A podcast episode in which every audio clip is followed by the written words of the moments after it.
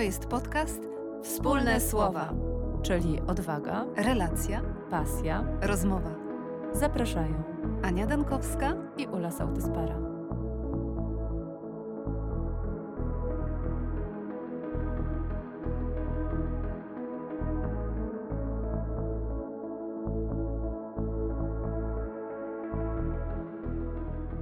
Witamy. Witamy. Witamy serdecznie y, i witamy także Sabinę Muchę, którą mamy wielką przyjemność gościć dzisiaj w naszym podcaście. Dzień dobry.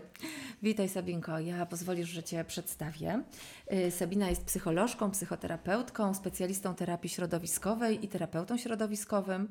Od ponad 20 lat pracuje z osobami chorującymi na schizofrenię w środowiskowym domu samopomocy przy Śląskim Stowarzyszeniu Ad Vitam Dignam w Katowicach, a także prowadzi psychoterapię indywidualną w Katowickim Instytucie Psychoterapii.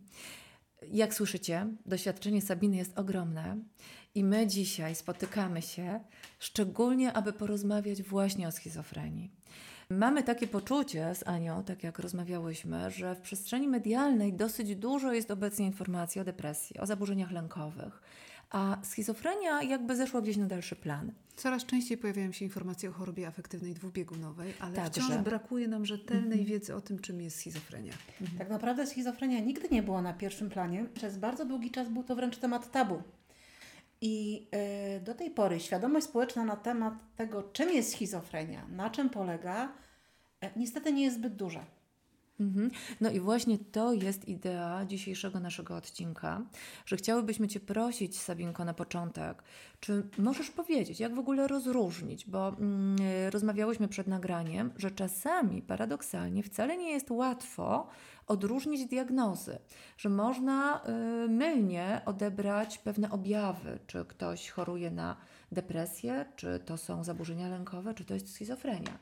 Czy mogłabyś przybliżyć temat? Schizofrenia jest to choroba mózgu, jest to choroba podłożu biologicznym, mm, a jednocześnie jest to choroba społeczna. E, Pozwólcie, że na początek trochę takich danych statystycznych. Mm, Średnio choruje od pół do 1,5% populacji, czyli bardzo dużo. E, Średnio przyjmuje się, że mm, choruje jedna osoba na 100, czyli w Polsce to będzie prawie 400 tysięcy osób, czyli bardzo dużo. A do tej pory świadomość społeczna czy obecność e, takiej choroby, jaką jest schizofrenia w takiej przestrzeni publicznej, świadomości publicznej, nie jest niestety zbyt duża. Mm, Trochę mm, zaczęto więcej mówić o depresji, o em, chorobie afektywnej dwubiegunowej, natomiast e, schizofrenia jest ciągle takim tematem pomijanym, takim trochę tematem tabu. Takim głównym czynnikiem, czy głównymi objawami, które odróżniają schizofrenię od innych zaburzeń psychicznych, jest występowanie bardzo e, czytelnych e, objawów, takimi jakimi są halucynacje i urojenia. Aczkolwiek halucynacje i urojenia mogą się pojawić również w innych e, zaburzeniach. Diagnozowanie schiz- schizofrenii tak naprawdę jest bardzo złożone, bo nie da się rozpoznać, myślę sobie, jakiegokolwiek zaburzenia psychicznego czy somatycznego na podstawie jednego izolowanego objawu. Kiedy, nie wiem, przychodzi do internisty ktoś z gorączką, to tak naprawdę trudno mówić od razu o tym, że ma zapalenie płuc. To też nie wystarczy. No nie? Dokładnie, to też nie wystarczy. Więc tutaj, mm, jeżeli chodzi o diagnozowanie schizofrenii, trzeba brać pod uwagę bardzo wiele różnych objawów.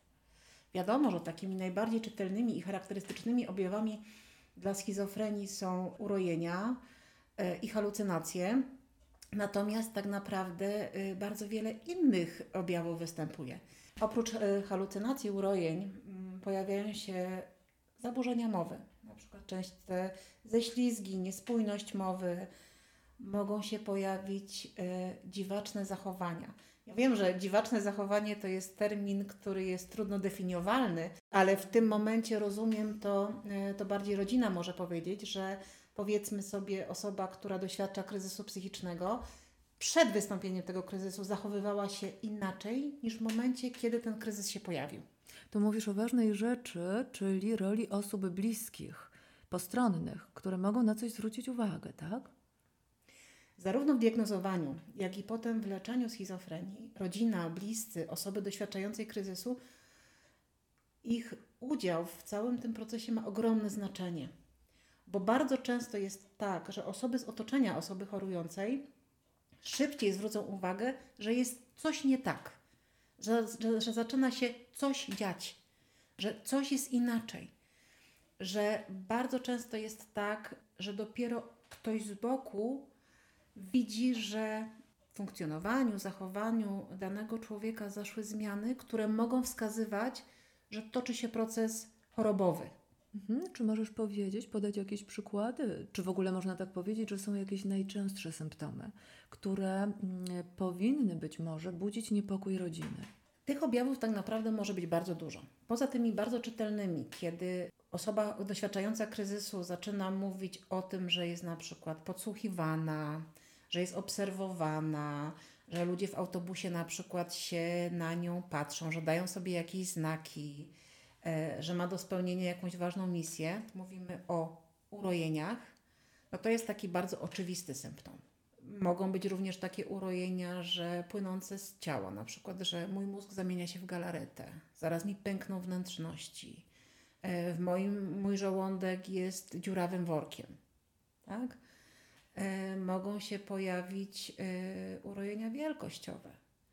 Mam do spełnienia ważną misję, będę się konsultować z prezydentem w sprawie pomocy dla krajów trzeciego świata. E, mam świetny pomysł na rozwiązanie kryzysów politycznych czy wojskowych itd. Tak itd. Tak Drugim takim obszarem, który może budzić uważność i budzi uważność rodziny, są halucynacje, których doświadcza osoba chorująca. Najczęściej są to halucynacje, czyli omamy, omamy głosowe. Y, ktoś, kto doświadcza kryzysu, słyszy głosy, których nie słyszy nikt inny. Na przykład mogą to być głosy, które komentują zachowanie danej osoby. E, często są w trzeciej osobie. Patrz, zobacz, widzisz, idzie sobie, siada, mhm. i tak dalej, i tak dalej. E, innym rodzajem omamów mogą być omamy węchowe, i tu mi się przypomina historia jednego z naszych uczestników, który miał koszmarne omamy, ponieważ był przekonany, że czuje zapach trupa w jedzeniu i do tego dołączyły się urojenia, że je ludzi. I to było straszne. Ogrom cierpienia mm -hmm. tego człowieka w tej sytuacji był nie do opisania. Ale oprócz tych takich bardzo wyraźnych symptomów, jakimi są halucynacje i urojenia, na co warto zwracać uwagę? Izolowanie się społeczne, zubożenie mowy, spłycenie afektu, zmiana dotychczasowego funkcjonowania. Schizofrenia jest chorobą ludzi młodych. Najczęściej chorują osoby w przedziale wiekowym między 15 30, pierwsze zachorowanie jest między 15 30 rokiem życia.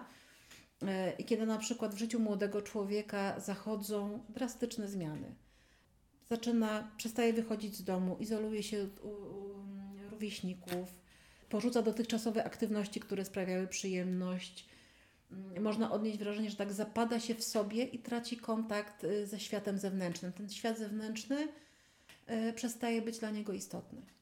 Mhm. Czy można powiedzieć, co uruchamia taki proces chorobowy? Czynników, teorii na temat powstawania schizofrenii jest tak naprawdę bardzo, bardzo wiele. I ciągle nie, ma, nie znamy jednej, jedynej przyczyny, jednej, nie ma jednej potwierdzonej teorii, że to jest właśnie to. To, co jest wspólne y, wszystkim tym teoriom, to jest to, że musi być pewna podatność biologiczna, pewne tło biologiczne, na które nakłada się stres, albo ostry, albo długotrwały i często używanie substancji psychoaktywnych. To, co leczy z kolei, to są leki, umiejętności społeczne i wsparcie społeczne. Mówisz o czymś też y, bardzo, bardzo istotnym z punktu widzenia tego biologicznego y, aspektu, bo przecież my wiemy, że to, co aktywuje geny, to też właśnie doświadczenia życiowe i że w tle tak naprawdę mamy dużo sytuacji urozowych, kryzysowych, o których często bardzo trudno jest w ogóle opowiadać i mówić. I dopiero w retrospekcji, rozumiem, pacjent, jak sobie przypomina, jest w stanie prześledzić różne wydarzenia życiowe, to już wie, kiedy ten proces chorobowy się rozpoczął, prawda?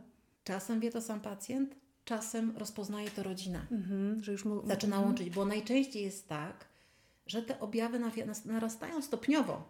To się może dziać nawet miesiącami, że stopniowo z dnia na dzień pogłębia się izolacja społeczna, pogłębia się wycofywanie, pogłębia się ten proces zapadania w sobie. Bardzo fajną rzecz usłyszałam od mojego superwizora, który powiedział, że Świat zewnętrzny dla osoby y, chorującej na schizofrenię jest tak nieznośny, tak bolesny, tak y, sprawiający tyle cierpienia, że tworzy swój własny wewnętrzny świat, który dla niej, chociaż bardzo bolesny, jest bezpieczny.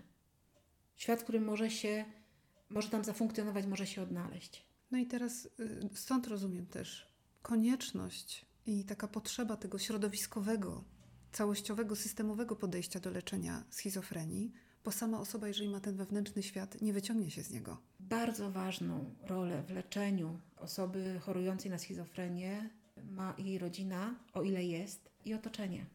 Tak, opierając się na swoim doświadczeniu, to wśród y, uczestników, no nie mamy pacjentów w HDS-ie, mamy uczestników, y, którzy do nas przychodzą, jest bardzo wiele osób samotnych. To jest choroba, która odsuwa od ludzi, izoluje od ludzi. Bardzo często jest tak, że y, właśnie zachorowania są wcześnie. Powiedzmy sobie, zaczyna chorować młody człowiek w wieku 18, 19, 20, 25 lat i tak naprawdę mm, szczególnie ten początek chorowania może być tak trudny, tak uciążliwy, jest tyle hospitalizacji, że odsuwa go to od grupy rówieśniczej i często nie jest w stanie związać się z kimś, założyć rodziny, mieć wsparcie w najbliższym otoczeniu i bardzo wielu z naszych uczestników to są osoby samotne. Osoby w starszym wieku już, których, nie wiem, rodzice e, zmarli, które nie założyły swoich rodzin, po prostu są samotne. Mhm. A powiedz, na czym polega Twoja praca w środowiskowym domu samopomocy? Bo tu już wspominasz, że to pacjenci w różnym wieku przychodzą, są uczestnikami tychże zajęć.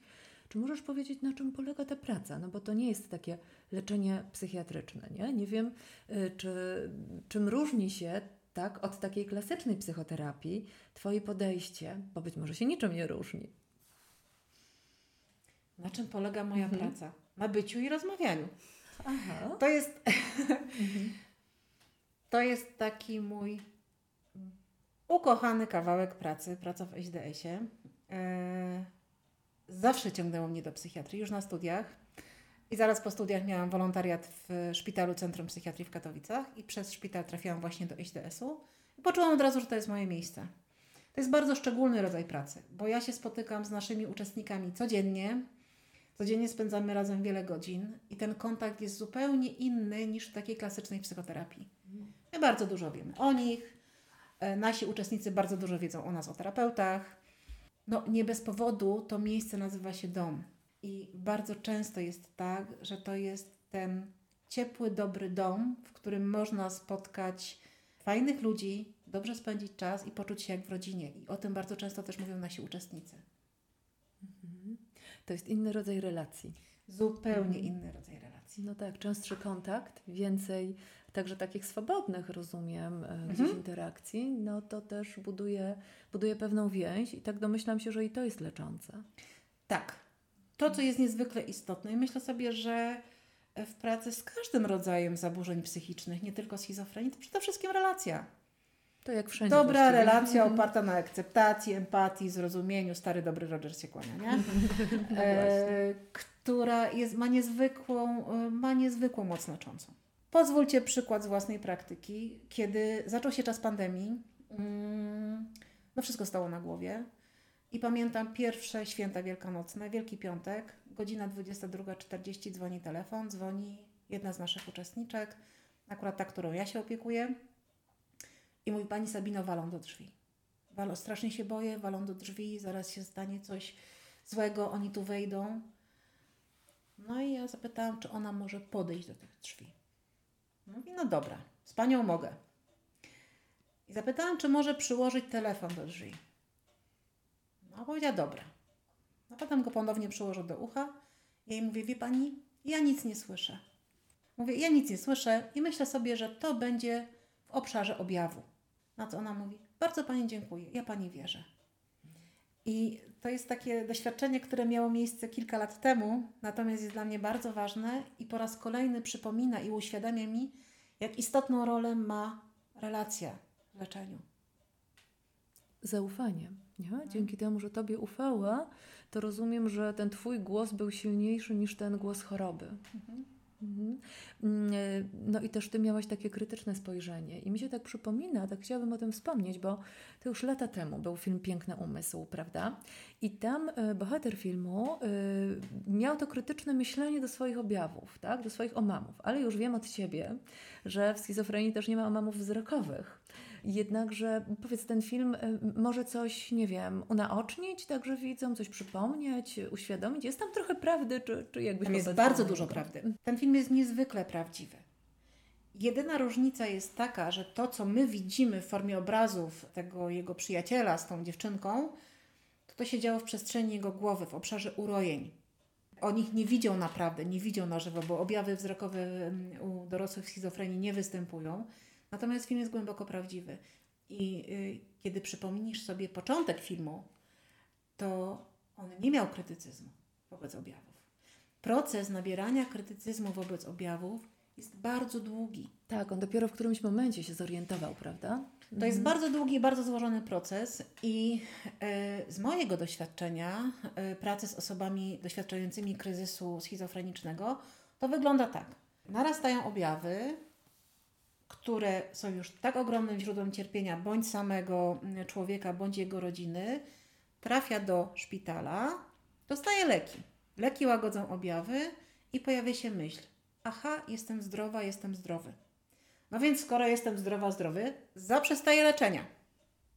Szczególnie, że e, leki, wiadomo, że są coraz nowszej generacji, ale mogą też powodować różne objawy uboczne, na przykład większą senność, albo takie poczucie trochę, mówiąc kolokwialnie, przymulenia.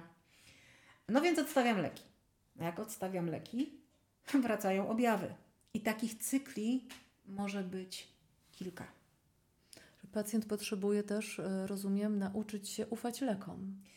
Tak, i tu e, bardzo duża rola psychoedukacji.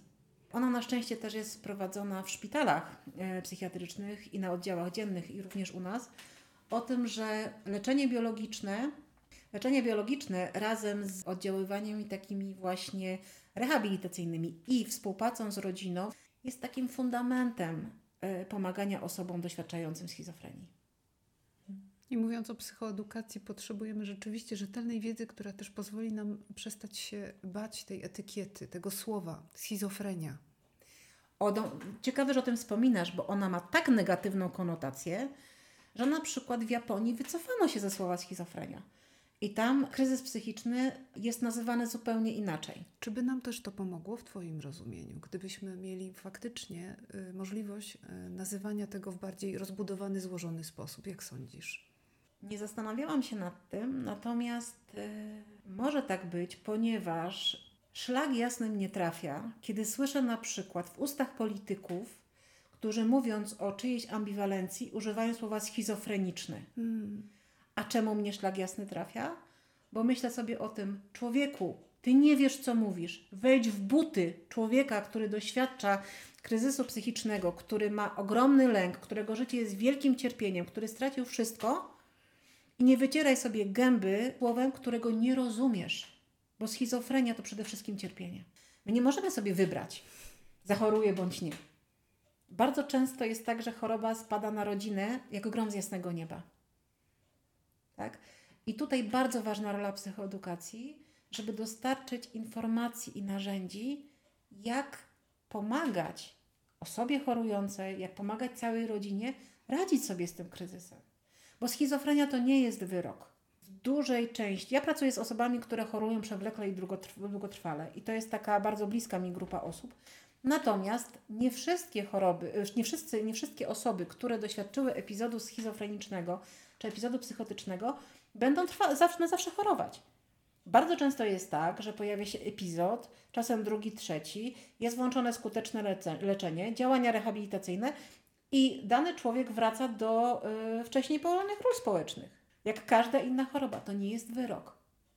Jasne, że przebieg procesu chorowania i zdrowienia jest różny, rokowania są różne, zależą od bardzo wielu czynników. Natomiast y, z tą chorobą się żyje. A moim zadaniem i zadaniem osób, które pomagają y, ludziom, którzy doświadczają kryzysu mm, psychotycznego, jest sprawić, żeby jakość tego życia była jak najlepsza. Mhm. Czy możesz zatem przybliżyć, co jako terapeuci możemy zrobić dla y, rodzin pacjentów związanych właśnie bezpośrednio z, z tym kryzysem psychicznym danej osoby? Przede wszystkim edukować i dla rodzin odbaczać z poczucia winy. Mm, jak ważne, że o tym mówisz. Odbaczać z poczucia mhm. winy, bo pracując również e, z rodzinami osób chorujących, spotykałam się często z czymś takim, że mm, rodzice, bo to najczęściej rodzice zastanawiali się, co takiego zrobiliśmy nie tak. Albo zaczynają się doszukiwać, po której stronie na przykład był ktoś, kto miał podobne zaburzenia. To nie jest tak, bo choroba, jasne, musi być podłoże biologiczne, ale tak naprawdę nie wybiera. To jest bardzo demokratyczna choroba. Może zachorować ktoś, kto wychowywał się w skrajnej biedzie, może zachorować ktoś, kto wychowywał się w niesamowitym luksusie. Więc y, przede wszystkim edukowanie, odbaczanie z poczucia winy i informacje, gdzie można szukać pomocy. Przede wszystkim y, centra zdrowia psychicznego, poradnie zdrowia psychicznego, cały obszar pomocy społecznej, miejskie ośrodki pomocy społecznej, środowiskowe domy, dzienne domy opieki, warsztaty terapii zajęciowej, że jest mm, CRS-y, Centra Rehabilitacji Społecznej, jest dużo miejsc, gdzie można uzyskać fachową pomoc i wsparcie. I ważne, żeby o tym też wiedzieć, że z tą chorobą nie trzeba być samemu. Że no niestety jest to na tyle częste zaburzenie, że takich osób i takich rodzin jest więcej.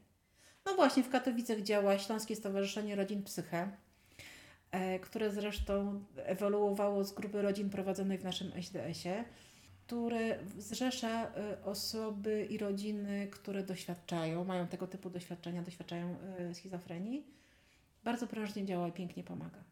Więc idąc dalej za tym, co powiedziałaś o chorobach somatycznych, ale też o y, właśnie całej tej działce ochrony zdrowia psychicznego, na co mamy wpływ? Jakie y, zadania takie profilaktyczne, tak? Mamy, mamy, na co mamy wpływ i jakie zadania profilaktyczne mogą być na tyle też łatwe do jakiegoś takiego y, zastosowania. Mhm. Czy to jest możliwe? Czy no to jest tak w ogóle jak... możliwe? Bo mhm. cały czas m, mm, mm, przed nagraniem też rozmawiałyśmy o tym, że wokół schizofrenii no, jest dużo lęku. Tak, a jeżeli chodzi o badania profilaktyczne, no to w, y, jeżeli chodzi o choroby somatyczne, one są dosyć rozpropagowane, prawda? Tak, wiemy co zrobić. A czy tu jest jakaś możliwość w ogóle? No zastrzeliłyście mnie tym pytaniem, ponieważ nie spotkałam się ani z takimi badaniami, ani w ogóle z takim e, podejściem. Nie mam pojęcia. Naprawdę nie mam pojęcia. Jaką mamy profilaktykę, żeby nie złamać sobie nogi? Okej, okay, super. Że to y, chyba jeszcze nie mamy skutecznych narzędzi do tego, żeby, nie wiem, diagnozować, a może już gdzieś są, tylko ja się nie spotkałam, nie wiem, robić badania genetyczne, tylko czy to nie będziemy skręcać w kierunku eugeniki. Mhm. Ja myślę sobie, że to, co jest istotne, to trochę tak jak w, tym powiedzeniu, gdyby człowiek wiedział, że się przewróci, to by się położył, że kiedy człowiek już się przewróci, żeby pomóc mu wstać i się pozbierać, bo my nie wiemy, kiedy się przewróci. Bardziej chodzi o to, żeby kiedy już wydarzy się kryzys, żeby mądrze wspierać, mądrze pomagać. A żeby mądrze wspierać i pomagać, no to e, psychoedukacja i rozpropagowanie e, samej e, wiedzy na temat tego, czym jest schizofrenia, jak rozpoznawać i że to jest coś, czego nie trzeba się wstydzić. Bo przed nagraniem rozmawiałyśmy o lęku przed diagnozą, ale jeszcze jest kawałek wstydu przed diagnozą. I to jest coś, co no mimo wszystko dzieje się cały czas. Że kiedy powiedzmy sobie, zaczyna się coś innego, dziwnego dziać z młodym człowiekiem, zaczyna się zachowywać dziwacznie, czyli inaczej niż do tej pory, albo wygłaszać dziwaczne treści, mówić o dziwacznych doświadczeniach, to czasami jest tak, że pojawia się jakiś rodzaj wstydu. Że powiedzmy na spotkaniu rodzinnym, dużym, E, młody człowiek na, na, zaczyna mówić o rzeczach, które są, nie wiem, bulwersujące, e, wstrząsające, szokujące. I rodzice tego młodego człowieka mogą odczuwać wstyd. Natomiast to już może być związane z kryzysem schizofrenicznym. To tak jakby to wszystko, o czym powiedziałaś, czyli lęk, wstyd, poczucie winy, znowu uniemożliwia branie wsparcia i pomocy. Blokuje tą drogę po prostu, już na wstępie. Więc przełamaniem jest pójście do psychiatry, do terapeuty, do zgłoszenie się do wszystkich centrów, o których powiedziałaś. Dokładnie tak. Wracając do wątku związanego z rodzinami, bardzo często ta izolacja społeczna, która dotyka samą osobę chorującą, dotyka też rodziny, bo taka rodzina zaczyna też troszeczkę inaczej funkcjonować.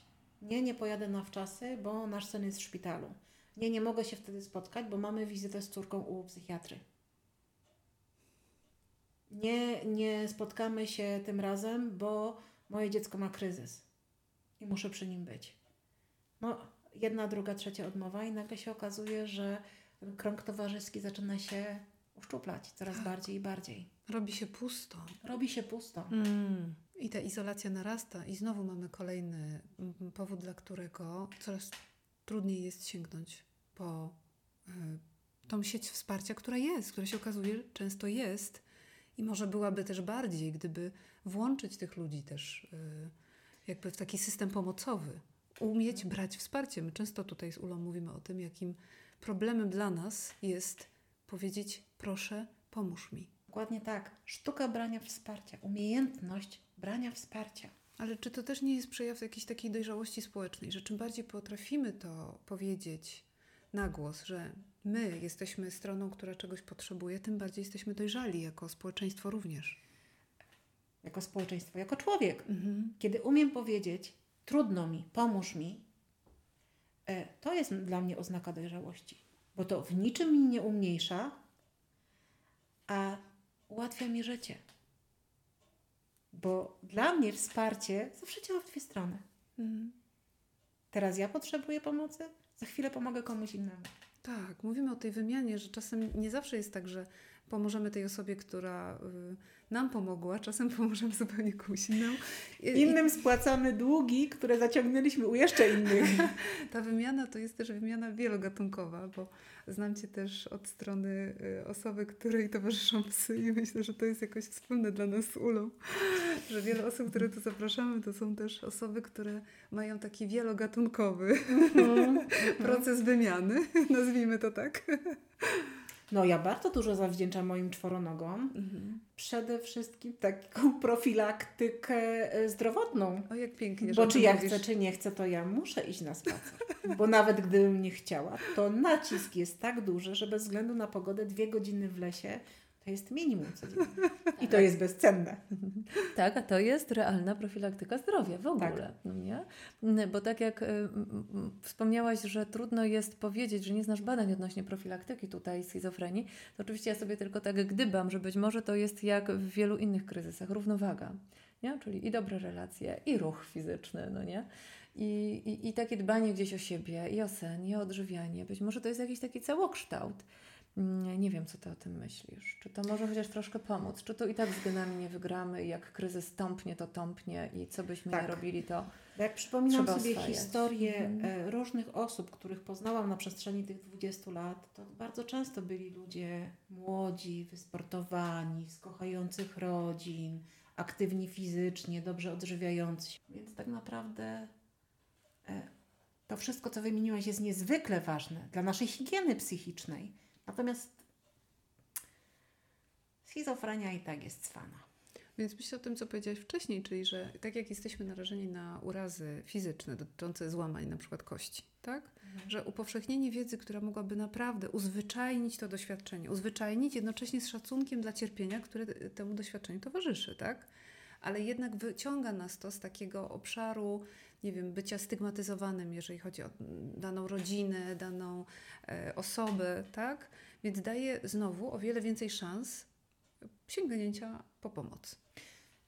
A co za tym idzie, powrotu do, na, na tyle, na ile to jest możliwe, do tego, co było wcześniej, do wcześniejszego funkcjonowania społecznego, zawodowego, szkolnego. A przecież o to chodzi, tak? Dokładnie o to chodzi, żeby jakość życia była jak najlepsza, jak najpełniejsza. Tutaj zazwyczaj też e, zapraszamy gości do opowiedzenia też o tym, czym jest odwaga. Czy ty byłabyś otwarta na to, żeby powiedzieć nam, czym dla ciebie jest odwaga? Ja się bardzo długo zastanawiałam, bo znałam pytanie wcześniej, e, czym jest odwaga. I pomyślałam sobie o czymś takim, że tyle rodzajów odwagi, ile ludzi na świecie. Bo jest odwaga, nie wiem, żołnierza na misji, jest odwaga lekarza, który robi operację na otwartym sercu, jest odwaga człowieka, który doświadcza ogromnego lęku, który ma na przykład nasilone urojenia, ale wychodzi z domu, wsiada do autobusu i przyjeżdża do środowiskowego domu e, po pomoc i wsparcie. I myślę sobie, że każdy z nas ma swoją własną. Ja jeszcze do mojej nie dotarłam, czym dla mnie osobiście jest odwaga, ale jestem na dobrej drodze. O, ale to pięknie, bo my tutaj też o tym mówimy, że na niektóre pytania będziemy sobie odpowiadać całe życie, tak? Swoimi małymi aktami odwagi czasem, tak? A czasami tymi wielkimi, o których mówisz teraz, tak? Więc w tym kontekście branie wsparcia, pomocy i dawanie też wsparcia, odwaga do brania i dodawania wsparcia mhm. może być czymś naprawdę bardzo znaczącym dla, dla nas wszystkich, dla tej sieci wsparcia, o której mówisz. Powiedz Sabina, czy jest coś jeszcze, e, o czym uważasz, że warto powiedzieć, o co nie zapytałyśmy, a masz poczucie, że, że wartałoby jeszcze wspomnieć? Czy to w temacie schizofrenii, czy też w ogóle chciałabyś się czymś podzielić? Tak myślę sobie o różnych mitach, które funkcjonują wokół tej choroby i osób chorujących. O takich mitach, że osoby chorujące na schizofrenię są na przykład niebezpieczne. No mhm. nie. Głównym objawem schizofrenii jest przede wszystkim lęk. I on jest ogromny. I on bardzo często izoluje od ludzi. I jeżeli popatrzymy choćby na statystyki e, tego, kto siedzi w więzieniu, no to tam przeważnie siedzą osoby, które nie mają rozpoznanej schizofrenii. Jasne, że są głośne medialne przypadki, że ktoś pod wpływem kryzysu czy urojeń, nie wiem, dopuścił się jakiegoś przestępstwa, ale to jest promil. Mm. Innym takim rodzajem mitu czy przekonania, który jeszcze funkcjonuje, że osoby chorujące na schizofrenię to osoby upośledzone umysłowo. Nie. Jasne, że czasami osoby o obniżonym potencjale doświadczają kryzysu, ale to też jest znowu jakiś tam niewielki procent. Zdecydowana większość to są ludzie, którzy są co najmniej w normie intelektualnej. Kolejnym mitem jest, tak, kolejny jest taki, że osoby, o, które doświadczają kryzysu, nie wiem, są jakoś wybitnie twórcze, czy mają jakieś, nie wiem, choroba jakoś, nie wiem, kompensuje w inny sposób, na przykład e, poprzez jakieś działania artystyczne. No znowu nie do końca tak. Bo jasne, że są osoby, które, mm, e, tak znowu się odnoszę do własnych doświadczeń, przez to, że zachorowały, znalazły czas i przestrzeń na to, żeby rozwijać swoje umiejętności w tym obszarze, ale znowu zdecydowana większość, tak jak większość z nas, tak, ma albo nie ma.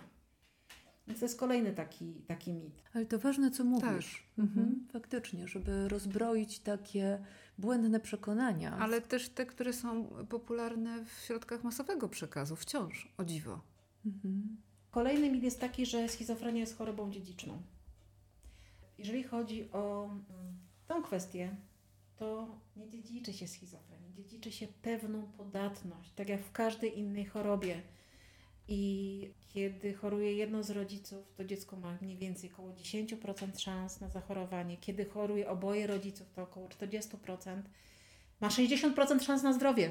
Ale pięknie powiedziane. Na tym trzeba się skupić. Tak. tak że to y, nie jest tak, że jeżeli ktoś się urodzi w rodzinie, gdzie jest choroba, musi zachorować. Nie, to jest mit. Tak. A przecież spotykamy się z tym, że ktoś całe życie jest tym piętnem, tak? Strachu mhm. przed chorobą, co wiemy, że nie pomaga rozwinąć skrzydeł. Mhm. Wręcz przeciwnie. Tak, tak. I myślę, że to, to, co tutaj wniosłaś w taki piękny sposób, opowiadając o, o tak trudnym doświadczeniu, pokazuje to przesunięcie, które obserwujemy w ostatnich latach, mówiąc o tym, co ludziom się przydarza, co ma wpływ na, na ich właśnie psychiczną stronę funkcjonowania w świecie i że to jest bardziej złożone. I żeby nie, nie szafować, mówiąc tak trochę potocznym językiem, słowami, tak? Mhm. Nie zniekształcać tych słów. tak. Nie, że to, to żeby byłoby... uszanować tak. to, co się pod tym słowem kryje. Mhm. Pięknie. Bardzo Ci dziękujemy. Bardzo dziękujemy, Sabina. To bardzo ważna rozmowa. Y, więc doceniamy, że znalazłaś czas i mogłaś się z nami spotkać i podzielić swoją wiedzą. Bardzo Wam dziękuję za zaproszenie. To dla mnie prawdziwy zaszczyt i bardzo się cieszę, że mogłyśmy porozmawiać właśnie na ten temat. Mhm. Dziękuję. Dziękuję raz jeszcze. Gościłyśmy dzisiaj Sabinę Muchę, specjalistę terapii środowiskowej, terapeutkę, psycholożkę.